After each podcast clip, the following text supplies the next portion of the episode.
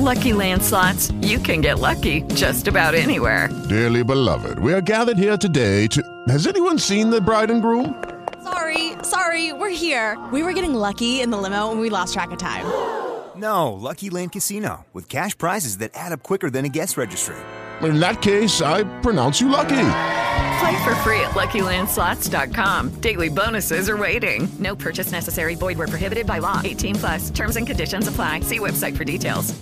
It is Ryan here, and I have a question for you. What do you do when you win? Like, are you a fist pumper? A woohooer, a hand clapper, a high fiver. I kind of like the high five, but if you want to hone in on those winning moves, check out Chumba Casino. At ChumbaCasino.com, choose from hundreds of social casino style games for your chance to redeem serious cash prizes. There are new game releases weekly, plus free daily bonuses. So don't wait. Start having the most fun ever at ChumbaCasino.com. No purchase necessary. Group. Void were prohibited by law. See terms and conditions. 18 plus.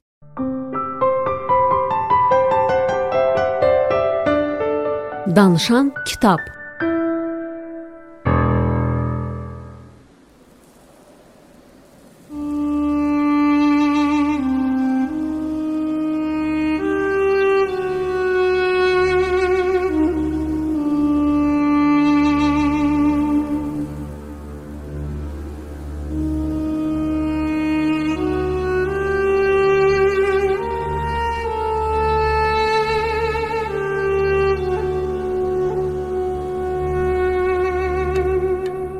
Danışan kitab layihəsi Nizami Mülkün siyasətnamə əsəri ilə davam edir.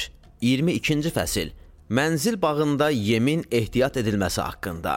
Şahın ali məiyyəti, mühafizə dəstəsi yola düşdükdə, hər mənzilə çatdıqda orada yem hazırlanmış olmasa, gündə nə qədər lazımdırsa zorla əldə edilməli, ya xalqdan bölgü ilə alınmalıdır. Bu isə insafdan deyil. Ona görə keçilməsi nəzərdə tutulan bütün yollarda, düşünüləsi ehtimal edilən bütün kəndlərdə, onun ətrafında istər iqta olsun, istərsə xas torpaqlar, yemin hamısını almaq lazımdır.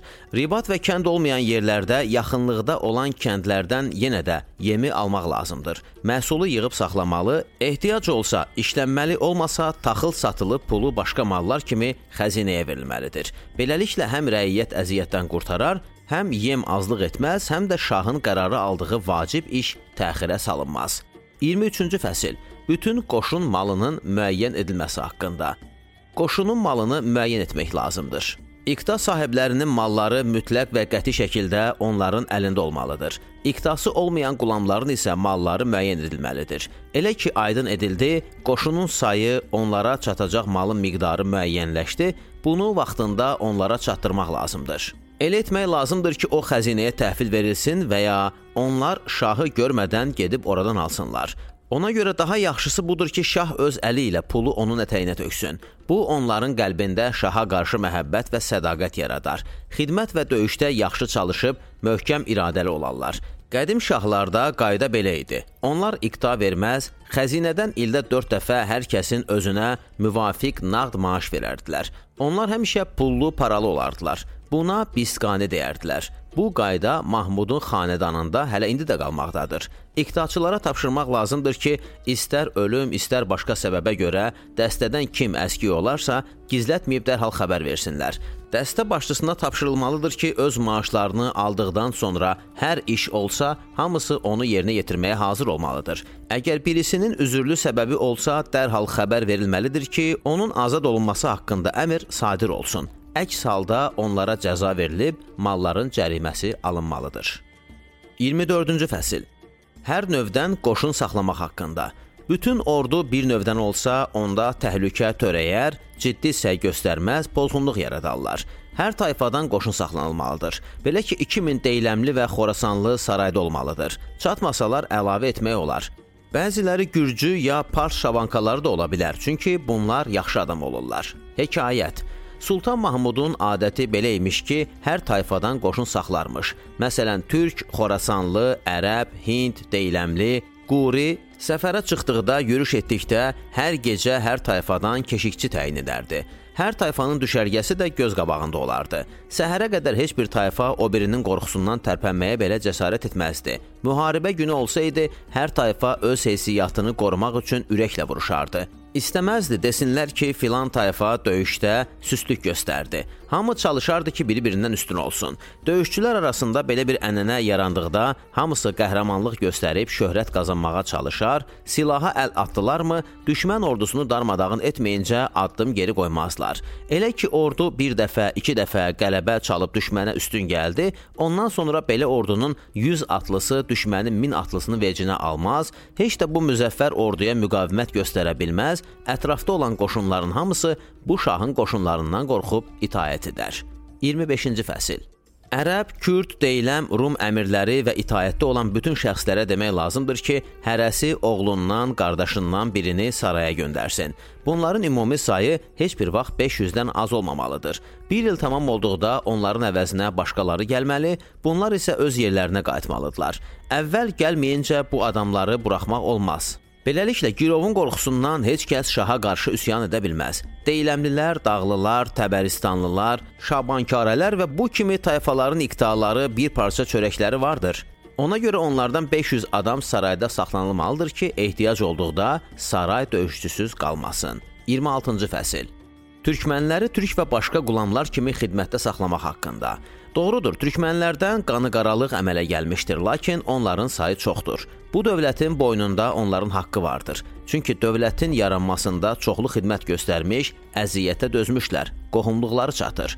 Onların övladlarından min adamın siyahısını tutub saraya qulam vəzifəsinə götürmək lazımdır ki, həmişə xidmətdə olsunlar. Silah oynatmağı, qulluq etməyi, xalq ilə yola getməyi öyrənsinlər. Sözə qulaq assınlar. Qəlblərində olan kin soyuyub getsin. Ehtiyac olduqda xidmətdə olanlardan 5000, 10000 ayırıb ata mindirməli, qulamlar kimi əllərinə silah verməli, əyinlərinə libas geyindirməlidir ki, bu dövlətdən onların da payına bir şey düşsün, şan-şöhrət qazansın, onlar razı qalsın.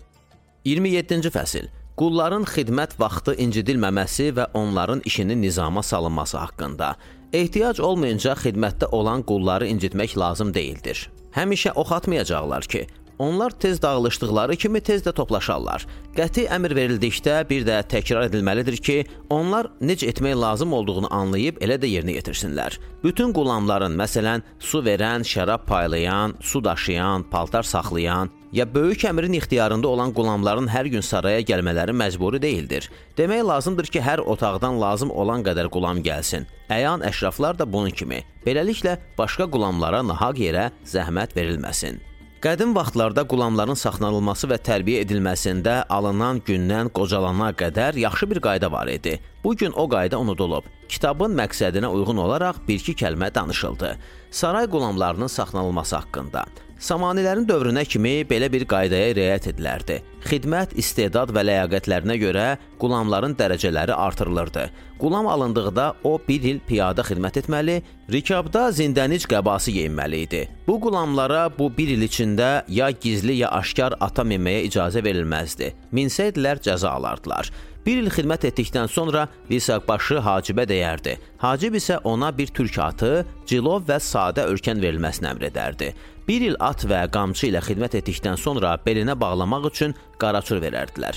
5-ci il bəzəkli yəhər, ulduzlu cilov, dara qəba və halqalı topuz alardı. 6 il rəsmi libas, 7-ci il bir nəfərlik 16 mıxlı çadır alar, 3 qulam da onun ixtiyarına verərdilər. Başına qara gümüşü keçə papaq qoyar, əyninə gəncə libası geyər, visaqbaşı ləqəbi alardı. Sonra hər il cahcəlalını, mənsəbini, dəstəsinin sayını artırardılar. Olardı dəstəbaşı və hacib. Əgər hər yerdə şöhrət tapıb istedad və ləyaqətli olsaydı, böyük bir iş yerinə yetirsəydi, adamlarla yola getməyi bacarıb, ağasını sevən olsaydı, 35 yaşına çatmayınca ona əmirlik verilməz, vilayət tapşırmazdılar. Samanilərə qul olub onların tərbiyəsini görmüş, Aptekin 35 yaşında Xorasan sərkərdəliyini aldı. O çox mətanətli, sədaqətli, qoçaq, tədbirli, xalq ilə yola getməyi bacaran, dəstəsinin hayına qalan, səxavətli, süfrəsi açıq, duz çörək verən, Allahdan qorxan, samani xislətli bir adam idi. İllərlə Xorasanın valisi olmuş 2700 qul və türk qulamı var idi. Bir gün 30 türk qulu almışdı. Onlardan biri də Mahmucunun atası Səbuktekin idi. Alınmasından 3 gün sonra o qulamların arasında durmuşdu. Bu zaman Hacib irəli gəlib dedi: "Visaqbaşı olan filan qul rəhmətə getdi. onun çadırını, palpaltarını, dəstəsini, mirasını hansı qulama verməyə əmr edirsiniz? Aptekinin gözü Səbuktekinə sataşdı və dedi: "Bu qulama bağışladım." Hacib dedi: "Ey ağam, heç 3 gün olmaz ki, siz bu qulamı almısınız. Hələ 1 ildə xidmət etməyib. Halbuki rütbəyə çatmaq üçün 7 il xidmət etməlidir. Bunu ona necə vermək olar?" Aptekin dedi: "Mən dedim, qulamcığaz eşidib baş əydi. Bağışladığımı geri götürən deyiləm." Visaqbaşının var-yoxunu ona verdilər. Sonra Alptəkin öz-özünə fikirləşdi. Bu necə oldu ki, 7 illik bir xidmətin dərəcəsi təzə alınmış, yeniyetmə kiçik bir qulama çatdı. Görünür bu əsli nəsəbli Türkistan zadəganlarındandır. Ya işdir gətirib gələcəkdə xoşbəxt olacaqdır. Sonra onu sınaqdan keçirməyə, müxtəlif adamlara sifariş göndərməyə başladı və dedi: "Mənim dediklərimi təkrar et." Hamısını təkrar etdi. Bir dənə də səhv buraxmadı. Sonra dedi: "Get cavabını gətir." Vaxtında gözlənildiyindən daha yaxşı cavab gətirdi. Gündən-günə onun imtahandan daha yaxşı çıxdığını görən Alptəkin get-gedə ürəyində onu daha çox sevməyə başladı. Suçuluğu ona tapşırdı. Öz yanında xidmətdə saxladı. 10 qulam da onun ixtiyarına verdi. Hər gün onu irəli çəkdi. Səbükdəkin 18 yaşına çatdıqda artıq onun dəstəsində 200 igid qulam var idi. Hamısı da Alptəkinin xasiyyətini götürmüşdülər. Bir gün Alptəkin xələc və türkmənlərə gedib onlardan alınacaq vergiləri toplamaq üçün 200 qulam ayırdı. Səbükdəkin də onların içində idi. Ora çatdıqda xələc və türkmənlər vergini bütünlüklə ödəmirdilər. Qulamlar qəzəblənib qılıncı əl atdılar. Vuruşub vergini zorla almaq istədilər. Səbükdəkin dedi: "Mən vuruşmayacağam və bu işdə sizinlə yoldaşlıq etməyəcəm." Yoldaşları soruşdu: "Niyə?" Dedi: "Ağamız bizi müharibəyə göndərməyib. Deyib gedin mal gətirin. Vuruşsaq, məğlub olsaq, böyük biabırçılıq olar. Ağamızın əzəmətinə xələl gələr. Bir də ağamız deyər ki, əmr olmadan nə üçün vuruşdunuz? Ölənə qədər bu məzəmmətdən qurtula bilmərik. Bu danlağa davam gətirə bilmərik. Alttəkin Səbükdəkindən soruşdu: "Nə üçün vuruşmadın və nə üçün qoymadın ki, qulamlar vuruşsunlar?" Səbükdəkin dedi: "Ona görə ki, ağamız bizə buyurmamışdı. Əmirsiz vuruşsaydıq, onda hərəmiz qul deyil, bir ağa olardıq. Qulluğun şərti odur ki, ağa nə buyurdu, onu da edəsən. Məğlub olsaydıq, mütləq ağamız soruşacaqdı. Sizə kim demişdi ki, dava edəsiz? Bizim isə ağanın danlağına taqətimiz yoxdur. Müharibə buyurursunuzsa, bu saat gedib dava edək. Ya mal alarıq, ya da canımızı qurban verərik. Alttəkinin xoşuna gəldi və dedi: "Doğru deyirsən." Sonra onu hey irəli çəkdi. Axırda dəstəsinin sayı 300 qulama çatdı. Bu zaman Xorasan əmiri Nuh bin Nəsir öldü. Alptəkin Şaburda idi. Buxara əyan əşrafları Alptəkinə yazdılar ki, iş belə gətirdi, Xorasan əmiri vəfat etdi. Onun 30 yaşlı qardaşı və 16 yaşlı oğlu qalıb. Məsləhət bilirsinizsə, onlardan birini onun yerinə oturdaq. Ölkənin ixtiyarı sizin əlinizdədir.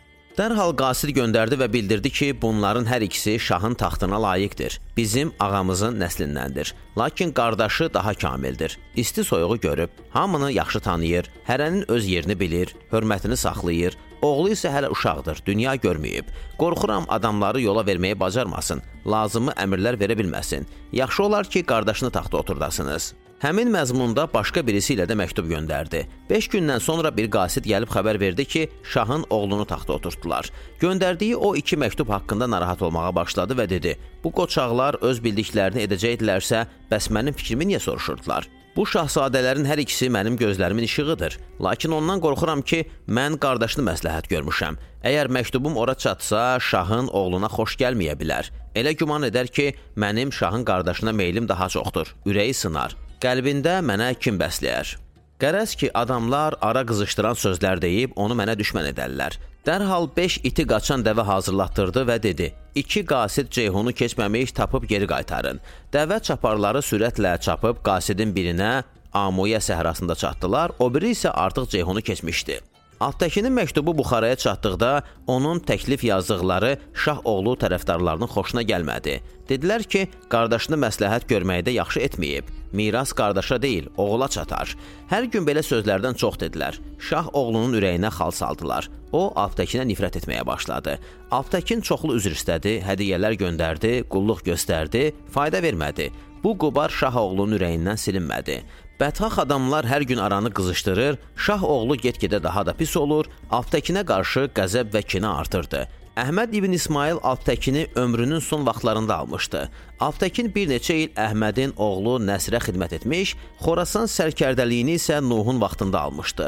Nuh öldükdən sonra onun yerinə bu Mənsur ibn Nuhu oturmuşdular. Onun şahlığından 6 il keçməsinə, Alptəkinin isə bəxşişlər verib hədiyyə göndərməsinə, mümkün olan bütün cəhdlərə baxmayaraq ara qızışdıran adamların üzündən Mənsur ibn Nuhun ürəyini ələ ala bilmədi. Buxara sarayında nə baş verdisə, Alptəkinin vəkili də onu yazdı. Sonra Mənsura dedilər: "Alptəkini öldürməyincə şahlıq edə bilməyəcək, hakimi mütləq ola bilməyəcəksən. O 50 ildir ki, Xorasanda şahlıq edir. Ordu onun sözündən çıxmır. Onu həbs etsək, var-dövləti sənin xəzinəni doldurar. Ürəyin də sakit olar. İndi məsləhət budur ki, onu saraya dəvət edəsən, güya biz şahlıq taxtına oturandan sən xidmətə gəlib andı təzələməyibsən. Biz səni görmək arzusundayıq. Sən bizim üçün vətənin atası yerindəsən.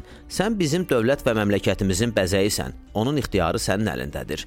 Arada gəzən bu söz-söhbət isə yalnız ona görədir ki, sən mənim yanıma gəlmirsən. Nə qədər dərgaha tez gəlib burada yaradılmış qayda qanunsuzluğu aradan qaldırsan, yenidən nizama salsan, bizim etimadımız o qədər artar, rəqiblərin dili gödələr, söz aradan yığışar.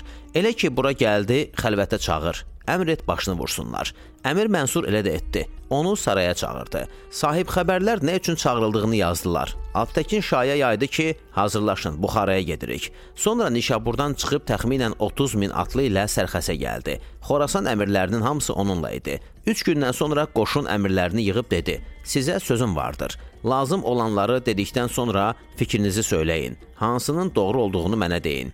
Bilim ki, sizin və bizim xeyrimiz nədədir? Dedi, siz Əmir Mənsurun məni nə üçün çağırdığını bilirsinizmi? Dedilər, səni görməkdə əhd-i peymana təzələmək üçün. Sən onun və əcdadlarının atası yerindəsən. Dedi, yox, siz düşündüyünüz kimi deyil.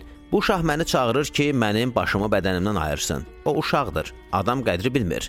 Siz bilirsiniz, 60 ildir ki, Samani dövlətini mən qoruyuram. Türkistan xanları onlara hücum etdilər, mən məğlub etdim, hər tərəfdə qaldırılan üsyanları mən yatırtdım. Bir anda olsa onların sözündən çıxmamış bu şahlığı onun babası və atasına saxlamışam. Axırda da mükafatım bu oldu ki, başımı bədənimdən ayırmaq istəyir. Bunu bilmirmi ki, onun ölkəsi, bədən, o bədənin başı isə mənəm, baş gedəndən sonra bədən qala bilərmi? İndi nə məsləhət görürsüz? Bu bəlanın qarşısını necə almaq olar? Əmirlər dedilər, onun çarəsi qılıncdır. O sənin haqqında belə düşünəndə biz ondan nə gözləyə bilərik? Sənin yerinə başqası olsaydı, şahlığı çoxdan onun əlindən almışdı. Biz hamımız yalnız səni tanıyırıq. Nə onu tanıyırıq, nə də onun atasını. Hamımız yalnız sənin sayəndə bir parça çörəyə, vəzifə, şan şövkət, cah-cəlal və nemətə çatmışıq. Səndən daha layiqli bir adam yoxdur. Biz hamımız sənin əmrinə tabeyik. Xarəzm, Xorasan və Nimruz da qanunən sənindir. Mənsur ibn Nuhun daşını atıb özün şahlıq taxtında otur. İstəyirsən Buxara və Səmərqəndi ona bağışla. İstəyirsən onunla da tut. Əmirlərin tam səmimiyyətlə belə söylədiklərini görən Alptəkin dedi: Allah əff etsin, mən sizi sınamaq istəyirdim. Bilirəm ki, dediklərinizin hamısı səmimi və təmiz inamla deyilən sözlərdir. Mən də elə sizdən bunu gözləyirdim. İzzət və cəlallı Allah bu xeyirxahlığınız üçün sizə kömək olsun. Bu gün gediniz, görək sabah nə olacaq. Bu həvalatda Alptəkinin yanında 30 min süvari var idi. İstəsəydi 100 min atlı çıxara bilərdi. Sabahsı gün bütün əmirlər dərgaha toplandılar. Alptəkin dışarı çıxıb atı mindi, üzünü əmirlərə çevirib dedi: Mənim sizə dediyim sözlərdən məqsəd sizi yoxlamaq, mənimlə həmfikir olub olmadığınızı bilmək, bir hadisə baş verərsə mənə sadiq qalaraq tərəfimi saxlayıb saxlamayacağınızı öyrənmək üçün idi. İndi isə sizin hamınızdan eşitdiyim sözlər sədaqətli olduğunuzu, yaxşılıqları itirmədiyinizi göstərdi. Sizdən çox razıyam, lakin bilib agah olmalısınız ki, bundan sonra mən bu oğlanın şərini qılıncdan başqa heç bir şeylə özümdən dəf etməyəcəm. Uşaqdır, heç kəsin qədrini bilmir. Bir neçə bədxah və nanəcib adamın sözünə uyub, yaxşını pisdən, şəri xeyirdən ayırmağa bacarmır. Onların xanədanını qoruyub saxlamış mənim kimi bir adamı məhv etmək istəyir. Onun bədbəxtliyini, ölkəsinin fəlakətini arzulayan kiçik bir hadisə baş verərsə, qarşısını almağa qadir olmayan bir ovuc nanəcibləri dost bilir. Mənim həyatıma isə qəsd edir. Mən ölkəni alıb əmisinin yerinə oturda bilər ya da özümdə saxlaya bilərəm. Lakin qorxuram adamlar desin ki, Alptəkin 60 il öz ağası olan Samanilərin xanədanını mühafizə etdi, axırda ömrü 80-a çatanda ağasının övladlarına ağ olub dövləti onların əlindən aldı. Özü isə nankorluq etdi. Mən ömrüm boyu yaxşı əməl ilə yaşamışam. İndi bir ayağım burada, o bir ayağım gorda ikən bədnam olub pis ad qazanmaq mənə yaraşmaz. Doğrudur, günah ondadır, lakin bunu hamı bilir. Bir dəstə deyər ki, günah əmirdədir, bir başqası deyər ki, təqsir Aptəkindədir. Onların məmləkətinə göz dikməsəm də, onlara pislik istəməsəm də, mən Xorasanda qaldıqca bu dedikodu aradan qalxmayacaq. Hər gün məndən əmirə bir söz deyəcək, onda mənə qarşı olan kin və nifrəti artıracaqlar. Əgər mən Xorasanı tərk edib onun məmləkətindən getsəm, bədxahların ağzı bağlanar, deməyə söz tapmazlar. Bundan əlavə, əgər bir parça çörək əldə etmək üçün bundan sonra mən qılınc vurmalıyamsa, yaxşısı budur ki, kafirə qarşı qılınc vurum. Həm savab qazanım, həm rüsvay olmayım. İndi biliniz ki, Xorasan, Xarəzm, Nimruz, Mavərən Nəhr Əmir Mənsurundur və siz hamınız da onun ixtiyarındasınız. Mən sizin hamınızı onun üçün saxlamışam. Qalxıb hamınız onun sarayına gedin, şahı görüb andınızı təzəliyin, öz vəzifələrinizdə qalıb borcunuzu yerinə yetirin. Mən Hindistana gedib cihad və qəzavatla məşğul olacağam. Ölsəm şəhid sayılacaq, qalib gəlsəm, behişt və Allah xatirinə küfr evini İslam evinə çevirəcəm. İşlərim yaxşı getsə, bəlkə əmirin də ürəyi mənim tərəfimdən rahat oldu. Dedikodu aradan yığıldıqda nə edəcəyini özü yaxşı bilər. O Xorasan qoşununa və rəiyyətinə belə müraciət etdikdən sonra ayağa qalxdı, əmirlərə dedi: "İndi bir-bir gəlin sizinlə vidalaşım." Əmirlər nə qədər dedilərsə fayda vermədi. Onlar qəhərləndilər. Ağlaya-ağlaya gəlib onunla vidalaşdılar və geri döndülər. Aptekin yataq çadırına getdi, lakin heç kəs inanmırdı ki, o Xorasanı buraxıb Hindistana gedə bilər. Çünki Xorasan və Mavərənnəhərdə onun 500 kəndi var idi. Elə bir şəhər tapmaq olmazdı ki, orada onun malikanə, bağ, karvansara, hamamı olmasın. Samani torpaqlarında onun çoxlu taxıl anbarı, min min qoyunu, yüz min atı, dəvəsi və qatırı var idi. Bir gün köç təbillərinin çalındığını eşitdilər. Alptakin bütün bunları buraxıb öz qulan və yaxın adamları ilə köçüb getdi. Xorasan əmirləri Buxaraya üz qoydular. Alptakin Bəlxə çatdıqda belə qərara gəldi ki, bir ay orada qalsın, cihad əzmində olanlar Mavərnər, Xoddələm və Bəlx ətrafında gəlib ona qoşulsunlar. Bədxahlar ara qarışdıranlar hey Mənsurun qulağını doldurub deyirdilər: "Alptəkin qoca qurtdur. Öldürməyincə sən ondan arxayın ola bilməzsən. Onun ardınca qoşun göndərmək lazımdır ki, tutub sənin yanına gətirsinlər." O, Alptəkini tutmaq üçün bir əmiri 16 min qoşunla Buxaradan Bəlxə göndərdi. Qoşun Termezə çatıb Ceyhundan keçəndə Alptəkin də köçüb Xolma tərəf üz qoydu. Xolm ilə Bəlx arasında 4 fərsənglik dar bir dərə var idi. Onun da adına Xolm dərəsi deyilir. Alptəkin orada düşərgə saldı. Onun 200 igid və sədaqətli qulamı var idi. 800 adam da cihad davası üçün onlara qoşulmuşdu. Xorasan əmirlərinin qoşunları ora çatdıqda dərədən keçə bilməyib səhrada düşərgə salmalı oldular. 2 ay bu vəziyyətdə qaldılar. 2 aydan sonra keşik çəkmək növbəsi Səbükdəkinə çatdı. Səbükdəkin dərənin ağzına yetişdikdə bütün səhranın qoşunla dolu olduğunu və keşikçilərin hazır durduğunu gördü. Dedi: "Ey mənim ağam, var dövlətini Xorasan əmirinə qoyub özün cihad davasına gedirsən. Onlar isə sənin canına qəsd edirlər. Mənim ağam nankorluq etmək istəmədiyindən onlarda hörmətini saxlayır. Qorxuram həm özünü, həm də bizi güdaza verər. Bu işi qılıncdan başqa heç bir şeylə həll etmək olmaz. Biz sustuqca onlar bizi təqib etməkdən əl çəkməyəcək." Lucky Land Casino asking people what's the weirdest place you've gotten lucky? Lucky? In line at the deli, I guess. Aha, in my dentist's office. More than once, actually. Do I have to say? Yes, you do. In the car before my kids' PTA meeting. Really? Yes. Excuse me, what's the weirdest place you've gotten lucky? I never win and tell. Well, there you have it. You can get lucky anywhere playing at LuckyLandSlots.com. Play for free right now. Are you feeling lucky? No purchase necessary. Void where prohibited by law. 18 plus. Terms and conditions apply. See website for details. Şeylər. Böyük Allah məzlumların tərəfindədir. Sonra üzünü öz dəstəsindən olan qulamlara çevirib dedi: Bizim öhdəmizə belə bir iş düşmüşdür. Onların əli bizə çatsa, birimizi də salamat buraxmayacaqlar. Ağam razı qalsa da, qalmasa da mən bu gün onlara əl qatacağam. Hər nə olursa olsun. Bunu deyib 300 qulamı ilə onların keşikçilərinə hücum etdi. Onları məğlubiyyətə uğradıb ordugaha hücum etdi. Onlar silahlanıb ata minənə qədər mindən yuxarı adamı yerə sərdi. Onlar zor gəldikdə tez qayıdıb dərəyə çəkildi. Alptəkinə xəbər verdilər ki, Səbükdəkin belə bir iş tutmuş, onlardan çoxlu adamı öldürmüşdür. Alptəkin onu çağırıb dedi: "Niyə tələsdin? Biraz səbr etmək lazım idi." Dedi: "Ey ağam, nə qədər səbr edək? Artıq səbr tükənmiş, canımız boğaza yığılıb. Biz öz canımızın hayına qalmalıyıq. Bu işə səbr ilə deyil, yalnız qılıncla son qoymaq olar. Nə qədər canımız var, ağamızın yolunda qılınc vurmalıyıq. Görək axırı nə olur." Alptəkin dedi: "İndi ki onları yerindən oynadıbsan, daha ağıllı tədbir görmək lazımdır." De çadırları yığıb yükləri bağlasınlar. Yatmaq namazı vaxtı yükləri götürüb dərədən çıxsınlar. Tuğan min adamla gedib dərənin sağında, sən isə filan dərənin sonunda gizlənməlisən. Mən min süvari və hərbi sursatla bu dərədən çıxıb səhrada duracam. Sabah onlar gəlib dərənin girəcəyində keşikçi görmədikdə deyəcəklər ki, Alptəkin qaçmışdır. Dərhal hamısı atlanıb bizim dalımızca çapacaq və dərənin içərisinə girəcəklər.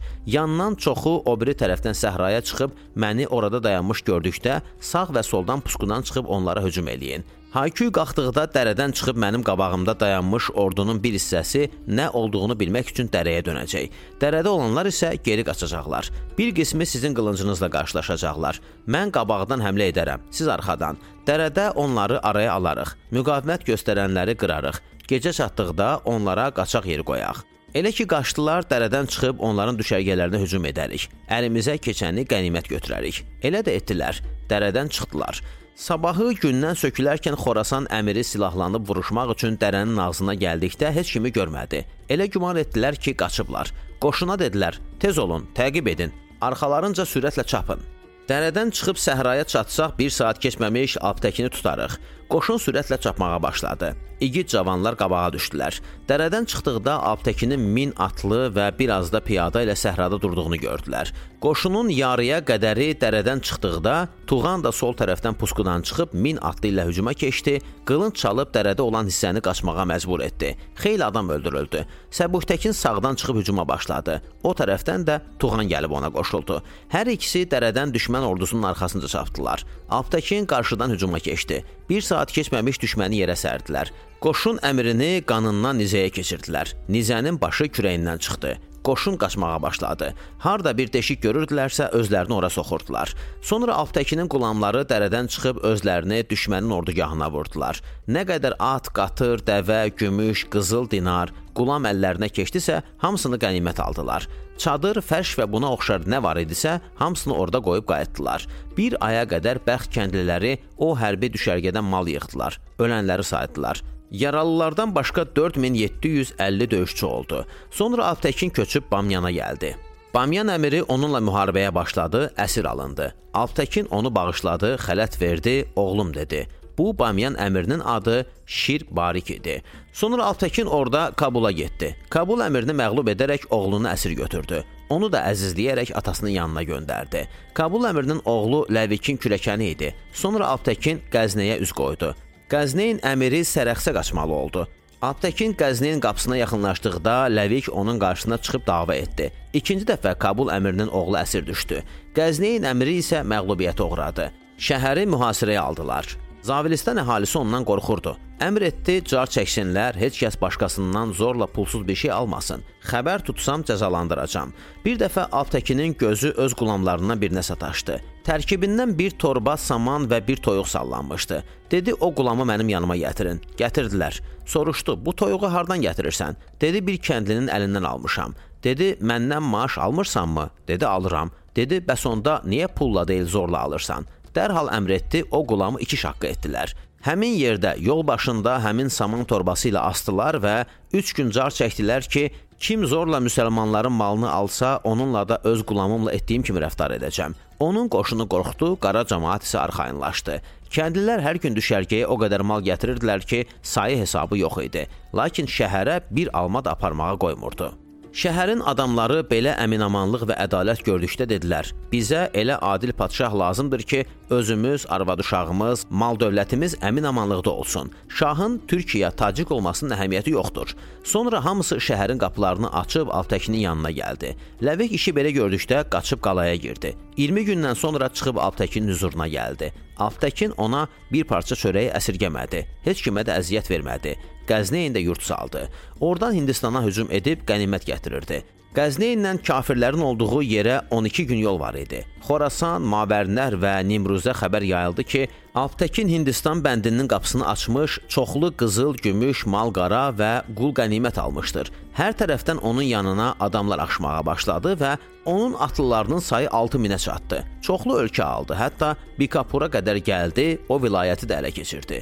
Hindistan padşahı 150 min atlı və piyada 500 fil ilə hücuma keçdi. Altdakini Hind torpağından qovmaq və ya onu qoşunları ilə bərabər məhv etmək qərarına gəldi.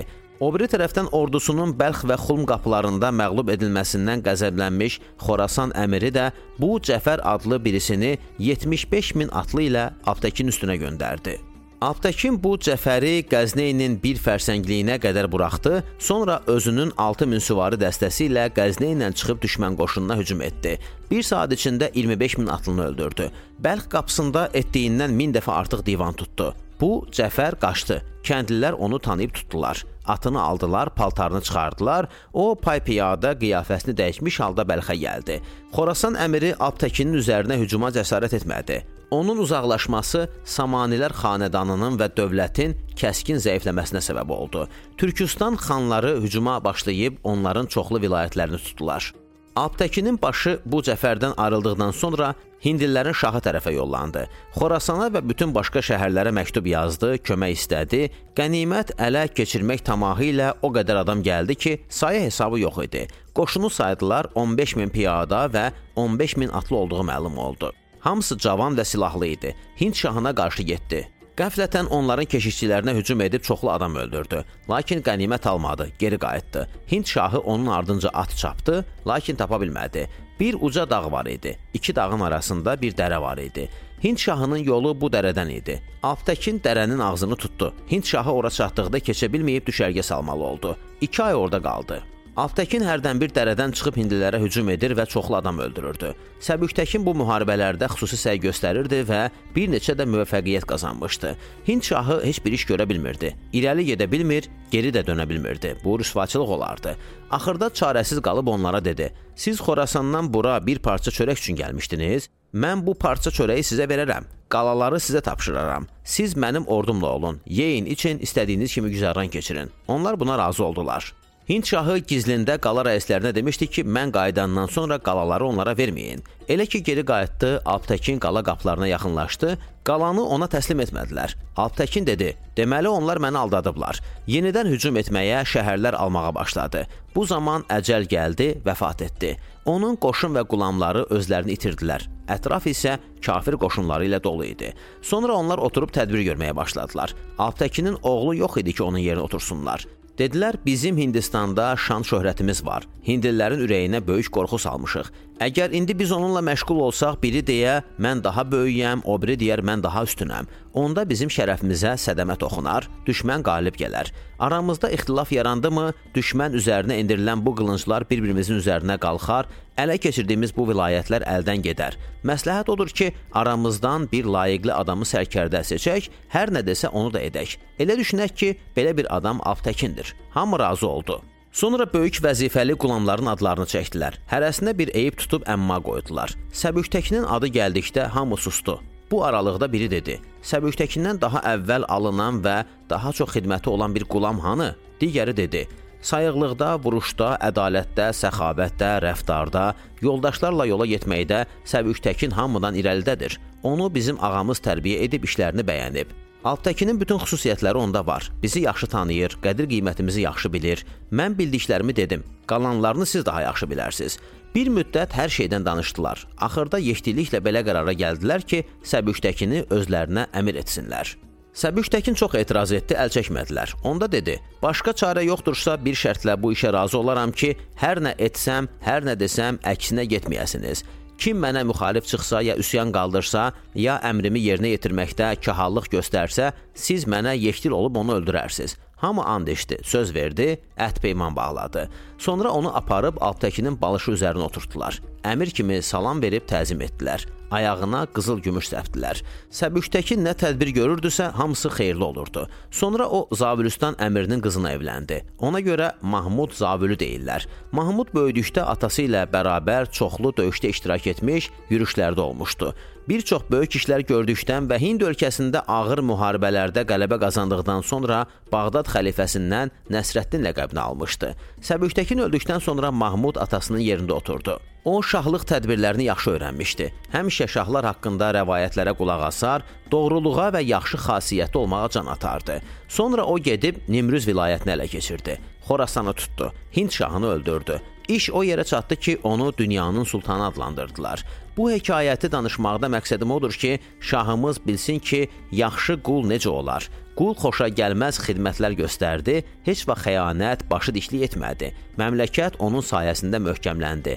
Dövlət onun ucbatından çiçəkləndi. Belə bir qulun ürəyinə toxunmaq, onun haqqında deyilən sözlərə inanmaq olmaz. Gündən-günə ona inam artmalı, etimad çoxalmalıdır. Çünki sülalələrin, şəhərlərin, ölkələrin zəbt edilib mühafizə olunması Aptekin kimi mərd adamlardan asılıdır. O isə qul idi. Samanı xanədanı onun sayəsində yaşayırdı. Onun qədrini bilmədilər, həyatına qəsd etdilər. O Xorasandan getdikdən sonra dövlət də Samanilərin əlinə keçdi. Layiqli və təcrübəli bir qul ələ gətirmək üçün uzun ömür, münasib şərait lazımdır. Ağıllı adamlar deyiblər: Layiqli nökər və qul oğuldan yaxşıdır. Yaxşı qul və nökəri əldən buraxmaq olmaz. Şair deyir: 100 bişuur övladdansa yaxşıdır bir mütiqul, bu ömür istər ağasına, ölüm dilər o oğul.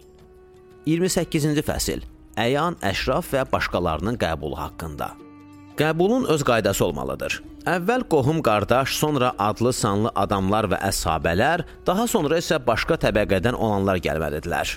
Hamısı bərabər gəlsə, kiçiklə böyük, hörmətsizlə hörmətli arasında fərq olmaz. Qəbul əlaməti odur ki, pərdə qaldırılar, dəvət olunmuşlardan başqa heç kəs qəbul edilmədikdə isə salınmış olar. Böyüklər ordu başçıları saraya adam göndərib bu əlamətlərdən qəbulun olub-olmadığını öyrənər, qəbul varsa gələr, yoxsa gəlməzlər. Böyüklər üçün ən ağır odur ki, saraya gəlib şahı görməmiş qayıtsınlar. Dəfələrlə gəlib şahı görmədikdə onun haqqında bədgüman olar və şübhəli fikirlərə düşərlər. Şah gec-gec qəbul düzəldəndə xalqın işi axsıyar, mərd-məzarlar ürəklənər, xasu amin vəziyyəti örtülü qalar, qoşun inciyər, əziyyət çəkər. Şah üçün tez-tez qəbul düzəltməkdən, görüş təyin etməkdən daha yaxşı bir qayda ola bilməz. Şahın qəbulu olmayan günlərdə ətraf vilayətlərin sahibləri, əmirləri, seyidləri, imamları onun görüşünə gəlməlidirlər. Kənardan gələnlərin görüş qaydası belədir. Böyükləri şahı görüb getdikdən sonra onların adamları da gedərlər. Orada yalnız şahın yaxın adamları qalar. İşə lazım olan qulamlar, məsələn, silah saxlayanlar, su paylayanlar, xörək daşıyanlar mütləq qabaqcadan hazır olmalıdırlar. Bir dəfə belə edildikdən sonra adətə keçər, çətinlik aradan qalxar, pərdə endirməyə, qapı bağlamağa ehtiyac qalmaz. Başqa cür etsələr, razı qalmazlar. 29-cu fəsil. Şərab məclisi düzəltmək qaydaları və onun şərtləri haqqında. Şadlıq və keyf həftəsi çatdıqda bir və ya iki gün ümumi qəbul düzəltmək lazımdır. Adətə görə kim istəyirsə gəlsin, heç kəsin qarşısı alınmamalı, əksinə xəbər edilməlidir ki, hamının gələn günüdür. Əyan əşraf üçün ayrılan günlərdə başqaları bilər ki, onların günü deyil, özləri gəlməzlər. Daha birini buraxıb o birini buraxmamağa ehtiyac qalmaz. Xüsusi məclisə layiq görülmüş adamların kimlər olduğunu əvvəlcədən bilmək lazımdır. Bu üzürlü sayılar. Hər gələn özü ilə yalnız bir qulam gətirə bilər. Hər kəsin sürahi və saqi gətirməsi yaxşı deyil.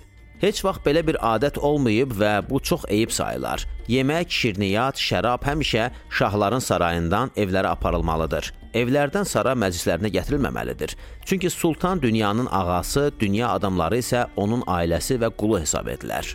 Yaxşı olmaz ki, evindən çörək yeyib şərab içdiyin bir evə çörək və şərab aparasan. Saray şərabdarı mənə yaxşı şərab vermir deyə öz şərabını gətirirsə, şərabdara qulaq vurması vermək lazımdır. Ona demək lazımdır ki, yaxşı, pis şərabların hamısı sənin ixtiyarındadır. Nə üçün pisini verirsən? Onda bu bəhanə ortalıqdan qalxar. Şah layiqli nədimləri olmadan keçinə bilməz. O vaxtının çoxunu qullarla keçirsə, şövkətinə xələl gətirər, hörməti aşağı düşər. Onlar xırdaçı olduqlarından xidmətə yaramazlar. Böyüklər, sərkərdələr, valilər, adlı sanlı adamlar da çox getgəl etsələr, şahın əzəmətinə ziyanı olar. Buyruqlarının icrasında dikbaşlıq edərlər. Pərdə aradan qalxar. Vəzirlə ölkənin mühüm işləri, ordu, vergi, tikinti, düşmənlərin qarşısını almaq və bu kimi məsələlər haqqında danışmaq lazım gələr. Bunların isə hamısı narahatlıq, fikir, izdirab və təşviş artıran məsələlərdir. Ona görə işin mahiyyəti özü imkan vermir ki, şah belə adamlarla əylənib kefini aça bilsin. Nədimdən başqa heç kəs şahın könlünü açıb onu əyləndirə bilməz. Şah daha sərbəst yaşamaq istəyirsə, zarafatı doğruya qata bilər. Nədimə hər cür nağıl, rəvayət, lətifə danışa bilər. Nədimlə şahın əzəmətinə, şan şövkətinə zərər vurmaz, çünki onları yalnız bu məqsəd üçün saxlayar. Əvvəllər də bu barədə bir fəsil yazmışdıq. 30-cu fəsil. Xidmət vaxtı qulların və nökərlərin yerlərində durmaları haqqında. Gərək hamısı görünsünlər. Hərəsinin də özünə məxsus durub oturma yerləri olmalıdır. Şah qarşısında bunların hər ikisi eyni sayılar. Durmaqda qayda belədir. Ən məşhur əsabələr, məsələn, silah saxlayanlar, şərab paylayanlar və bu qəbildən olan adamlar ləxtin ətrafında yaxında durmalıdırlar. Biri onların arasında durmaq istəsə, saray hacibi onu uzaqlaşdırmalıdır. Eləcə də yad bir adam görsə, qışqırıb onu orada durmağa qoymamalıdır. 31-ci fəsil. Ordu və xidmətçilərin ehtiyac və xahişləri haqqında. Ordunun nə ehtiyacı olsa, sərkərdələr dəstəbaşların dili ilə bildirməli, əgər qəbul edilərsə, onların əli ilə də ödənilməlidir. Bu üsul isə onların hörmətini artırar. Qoşun əhlinin ehtiyacı bilavasitə dinlənilib, bilavasitə ödənilsə, onda dəstə başların hörməti qalmaz. Dəstədən biri öz başçısına diluzunluq etsə ya hörmətini saxlamasa, həddini aşsa, cəza vermək lazımdır ki, böyük-kiçik məlum olsun. 32-ci fəsil. Müharibə və yürüş ləvazimatını, silahını və dəmdəstgahını hazırlamaq haqqında. Bahalı paltar geyən adlı sanlı adamlara tapşırmaq lazımdır ki, təmtəraqlı yaraqlar, müharibə üçün keyfiyyətli silahlar hazırlasınlar, qulamlar alsınlar. Onların gözəllik, yaraşıq, şan şövkəti evlərinin bəzək düzəyində, dəmdəstgahında deyil, məhz bunlarda olar. Kimin bu cəhətdən imkanı çox olsa, şah yanında daha çox bəyənilər, taytuşları içində, ordu içində, ordu arasında hörmətli, daha şövkətli sayılar. 33-cü fəsil səhv günah etdikdə irəli çəkilmiş adamlara töhmət vermək haqqında. Bir adamı irəli çəkib böyütmək üçün çox vaxt və zəhmət tələb olunur. Onlardan bir xəta baş verdikdə açıq töhmət edilsə, rüsvay olanlar sənlə nə qədər əzizləyib tərifləsən də əvvəlki yerini tuta bilməzlər. Ona görə də daha yaxşısı budur. Belə bir adam səhv etdikdə dərhal onu çağırtdırıb söz arası deməlidir ki, nə üçün belə edirsən? Biz öz irəli çəkdiyimizi yerə vurmur, öz qaldırdığımızı yıxmırıq. Bu səfər səni bağışlayırıq. Bundan sonra özünə fikir ver. Bir daha səhv buraxma, yoxsa mövqeyini itirər, hörmətdən düşərsən. Onda təqsir özündədir, bizdə yox. Hekayət belədir ki, Əmir əl-Möminin Əli əleyhissalamdan soruşurlar. 10 igid adam kimdir?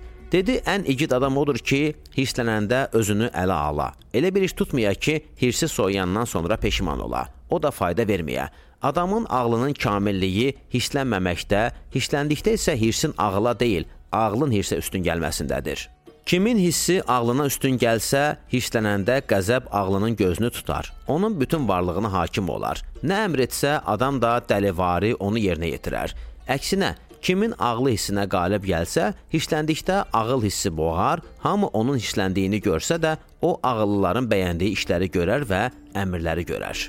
Əlinin oğlu Hüseyn bir neçə əshabə və hörmətli adamla süfrəyə oturub çörək yeyirdilər. O bahalı paltar geyinmiş, başına son dərəcə gözəl bir əmmamə qoymuşdu. Bir qulam onun qabağına xörək qoymaq istəyirdi, başının üstündə durmuşdu. Birdən kasa qulamın əlindən düşüb Hüseynin baş gözünə töküldü. Onun əmmaməsi xörəklə bulandı. Hüseynin təbiəti yerindən oynadı, üzü qəzəb və xəcalətdən qızardı, başını qaldırıb qulama baxdı. Qulam vəziyyəti belə gördükdə cəzalanacağından qorxdu və dedi: "Bağışlayan adamlara qəzəb də yaraşar. Allah da rəhm edənləri çox sevir." Hüseyn gülümsədi və dedi: "Ey qulam, həmişəlik qəzəb və cəza qorxusundan asudə olmaq üçün səni azad edirəm." Deyirlər Muaviyə çox səbirli bir adam imiş. Bir dəfə qəbul vaxtı böyüklər onun qabağında oturmuş olduğu halda köhnə paltar geyinmiş cavan bir oğlan icazəsiz girib salam verdi, nümayişkaranə onun qabağında oturdu və dedi: Ya Əmir əl-Möminin, bu gün çox vacib bir iş üçün sənin yanına gəlmişəm. Yerinə yetirməyə söz versən, deyərəm. Muaviyə dedi: Nə mümkündürsə hamısını edərəm. Oğlan dedi: Bil ki, mən qərib adamam. Arvadım da yoxdur, sənin ananın da əri yoxdur. Onu ver mənə. Mənim arvadım olsun. Onun əri savabı da sənə çatsın. Muaviyə dedi: Sən cavan bir oğlan, o qoca bir qarı, ağzında bir dənə də dişi yoxdur. Onun nəyi sənin xoşuna gəlibdir? Dedi, eşitmişəm ki, onun kəfəli böyükdür. Mənim də böyük kəfəldən yaman xoşum gəlir. Muaviyə dedi, Vallah elə atam da anamı buna görə almışdı. Yoxsa onun heç bir başqa hünəri yoxdur. Atam elə bu arzu ilə öldü. Mən sənin sözünü anama çatdıraram. Meyli olsa belə dəllallığa heç kəs mane olmaz. Muaviyənin üzündə heç bir dəyişiklik əmələ gəlmədi, özündən çıxmadı. Hamı təsdiq etdi ki, dünyada ondan daha səbirli bir adam ola bilməz. Müdrik adamlar demişlər: Səbir yaxşıdır, lakin məqsədə nail olan vaxt daha yaxşıdır. Nemət yaxşıdır, lakin naşükürlük olmasa daha yaxşıdır. İtaət yaxşıdır, lakin şuurla və Allahın qorxusu ilə olsa daha yaxşı olar. 34-cü fəsil. Keşikçilər, növbətçilər və qapıçıların işi haqqında. Sarayın xüsusi keşikçiləri, növbətçiləri və qapıçılarının işi haqqında çox ehtiyatlı olmaq lazımdır. Bu adamlara nəzarət edən gərək onların hamısına yaxşı qayğı bəsləsin, yaxşı tanısın, açıqda, gizlində onların nə etdiklərini yoxlasın, hər gün onları nəzarət altında saxlasın. Çünki onlar əksər halda tamahkar, boş xasiyyət olar, qızıla aldanarlar. Onların arasında yabancı gördükdə kim olduğunu öyrənmək lazımdır. Hər gecə növbəyə gəldikdə gözdən keçirmək lazımdır. Nə gecə, nə gündüz bu işdə sayıqlığı itirmək olmaz. Bu vəzifə çox incə və məsuliyyətlidir.